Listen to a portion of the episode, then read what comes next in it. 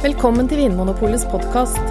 I panelet i dag sitter programleder Trond Erling Pettersen og varefaglige rådgivere Anne Engrav og Anders Stueland.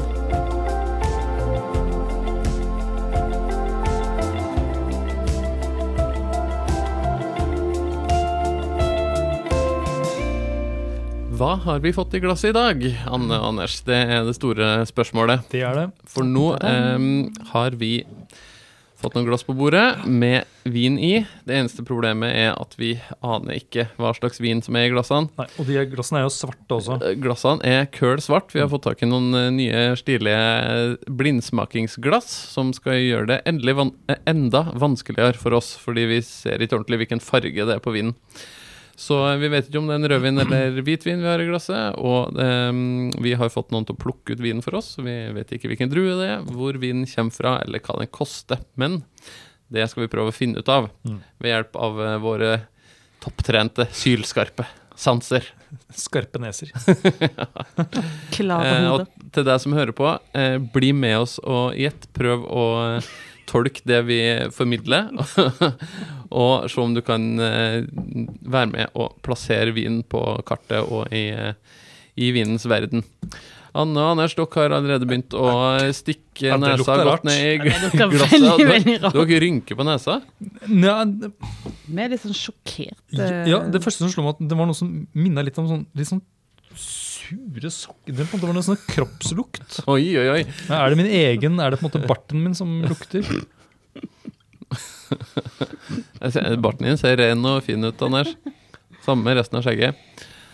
Men eh, hvis vi klarer å se litt bortafor eh, kropp og sure sokker, Ja. hva, hva lukter det da? Er vi, hvis, vi, hvis vi begynner i fruktdisken, da, som vi helst eh, skal gjøre, Mm. er vi mest i retning av eh, sitrus og epler, eller er vi mer i bær, eh, bærhylla?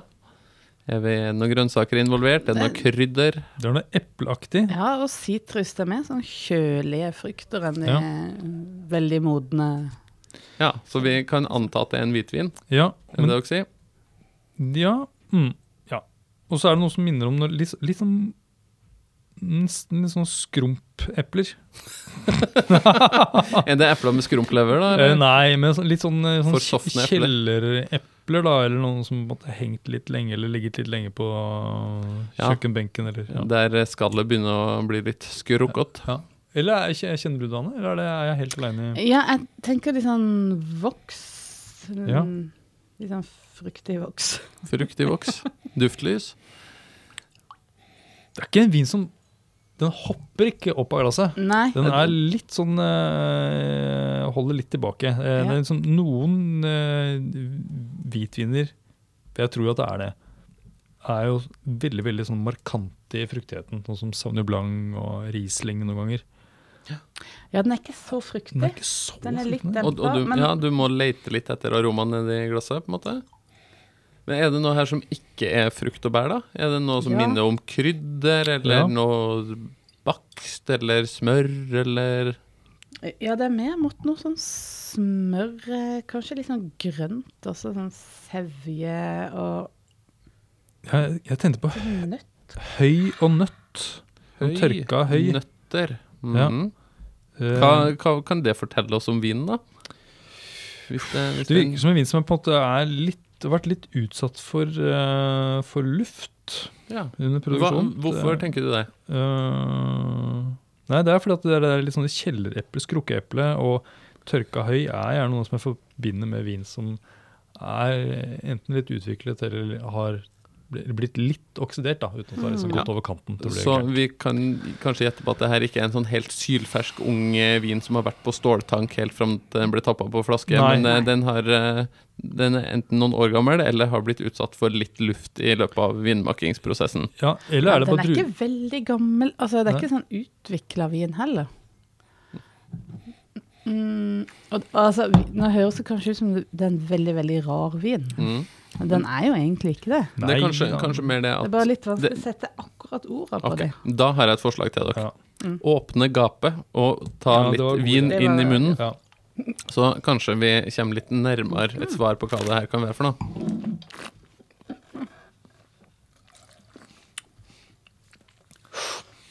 Den Den er veldig frisk. Mm. Hvordan føles den i munnen? Mm, det, jeg syns fruktigheten kommer mye bedre fram nå.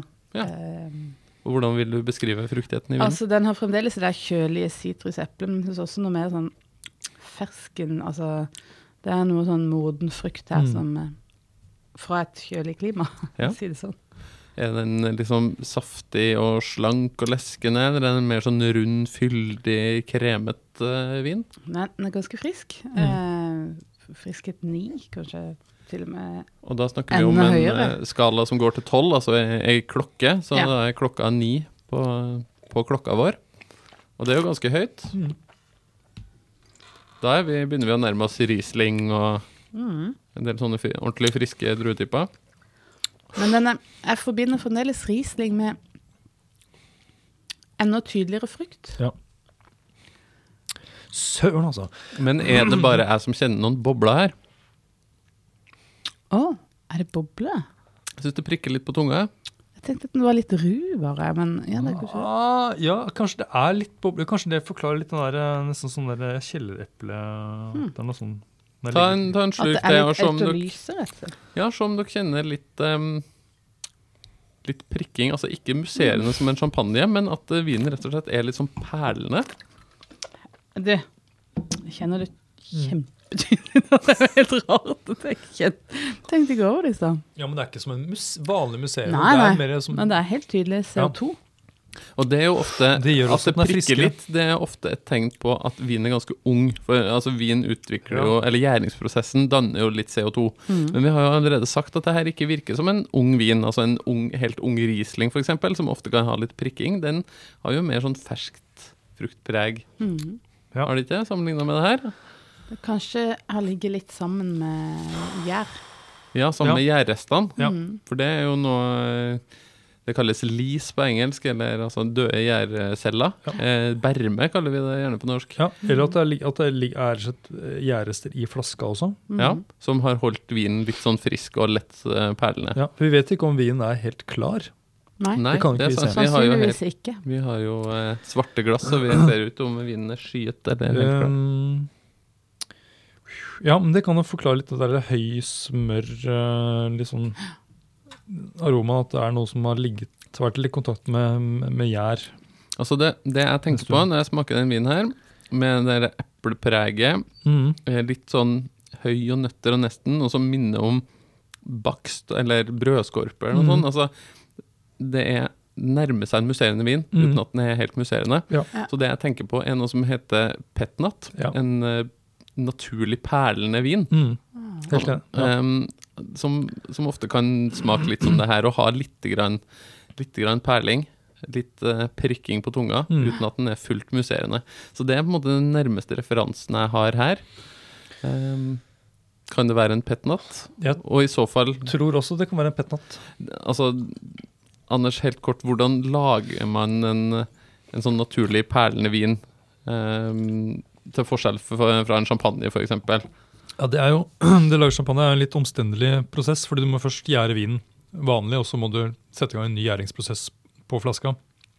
Mens en petnat er litt enklere, fordi før vinen er helt ferdig gjæra, Mm. så tappes den på flaska, og så liksom gjærer den liksom den siste. Med litt av eh, gjæra med, sånn Ja. at du får den siste, Ja, siste gjæringa i flaska, med sånn bruskork på, gjerne. nettopp, og så er, kan det ofte være litt, litt bunnfall av noen sånne døde gjærceller. Så da får vinen litt grann eh, CO2 av den siste gjæringa på flaska, eh, men uten at du trenger å liksom fjerne gjærcellene i en Mm. omstendelig prosess, så det er ikke så lang lagring som i champagne, f.eks. Ja. Men det er ganske lite altså det er, Jeg kjenner tydelig at det er noe CO2, men det er, det er ganske lite fremdeles. Mhm. Det er litt sånn honningaktig også. Eh, det er noe med Ja. sånn fruktaroma der. Og når, og når vi først har liksom tenkt oss mot en petnat, så er det jo kanskje lett å tenke på Chenin da. For det er jo noen områder i verden hvor uh, produsentene er, som er litt mer glad i å lage petnat enn andre. Og mm, Loire, Loire, for eksempel. Og Er du i ferd med å lande i? Ja, jeg er vel egentlig det. Det Men, men hva er det i lukt og smak i vinen her som er typisk for Chenin Blanc? da? Hva er det som gjør at du lander på den drua? Det er den der litt sånn modne epler, men som ikke er så tydelig, på en måte. Fruktigheten er ikke så tydelig. Det Mm. er frukt der, men den er vanskelig å sette ord på. Mm. Hvis du er litt usikker, så Er si at det er Chenin Blanc. er et sånt eh, gammelt uttrykk i, i vinverdenen. Gammelt, gammelt jungel, eh, jungelord, ja. Ja, det, det her litt sånn nøtteaktig, høyaktige Ja. preget og litt sånn kjellereple, det kan eh, peke i retning Chenin Blanc. Hva tror kan. du da, Anne? Hva kan det være hvis det Hvis jeg nå skulle ha leda dere på villspor, for jeg vet jo ikke hva det her er. Hvis det ikke er en petnat, da. Hvis du bare fokuserer på fruktigheten, Mhm. på det druetypiske her.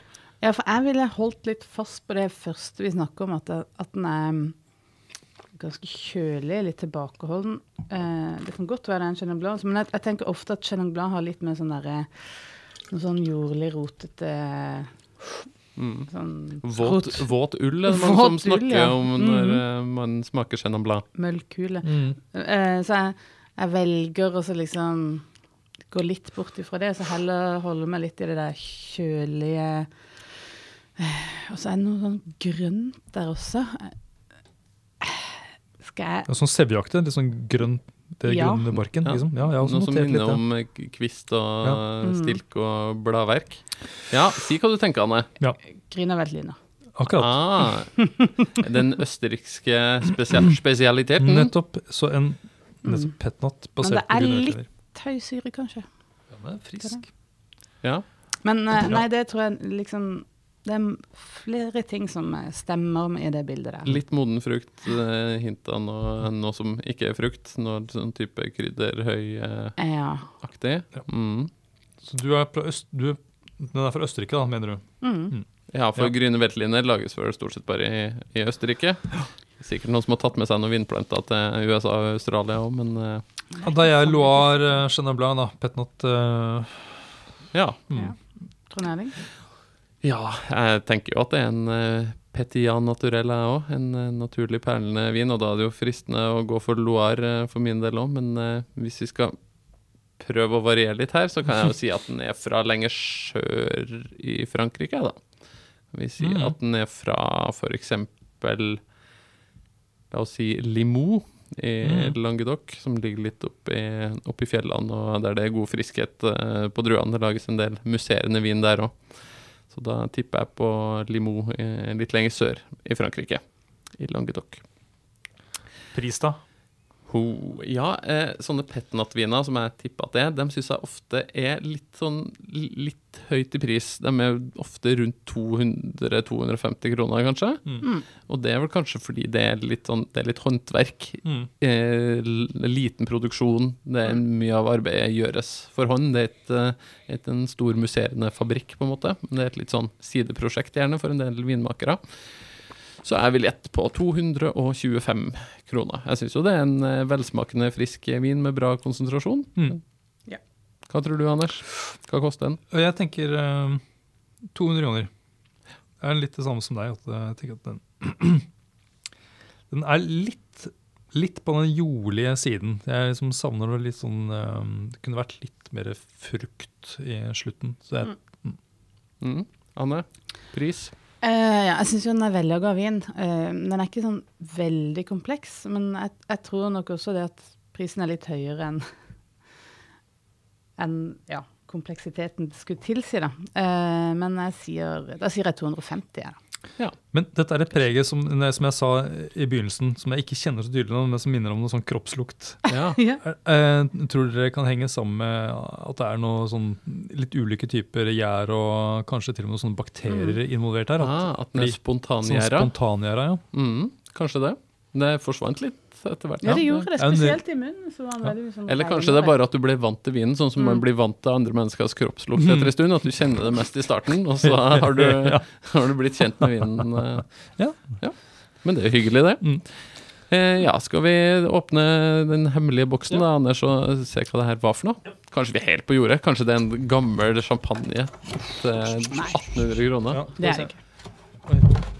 Pakka godt inn. Der. Ja. Der kommer den. Hva er det? Eh, Og er det for noe, Anders? Uh, det er, jeg har aldri sett den før, faktisk. Men det er en, eh, det er en Petia naturell, eller ja, Petnat? Petnat, ja. Mm -hmm. uh, den kommer fra Montlouis Mont-Louis. Mont Louis, ja. Uh, Fra i Loire. Loire. Det er Loire. Ja. Et godt stykke inn i Loire. Og Da er regner jeg med at det er Chenin Blanc som er eh, druen. Du får, Du, skal jeg ta- Igjen, altså! du får Anders, du skanne- er så eh, god, altså. Er du sikker på at du ikke har uh, juksa? Jeg skal ta og vippe fram Vinmonopolets app jeg nå og skanne strekkoden og se hva den vinen her koster. Eh, Anders, du sa 200. Anne, du sa 250. Og jeg sa 225. Ja. Eh, og da er det faktisk jeg som er nærmest, for den koster 229,90. Oh la la. Oh, la, Ja. la, la. Og når det gjelder drue, så er det vår gamle venn Anders Roa Stueland som igjen er midt i blinken, for det er 100 Chenin Blanc.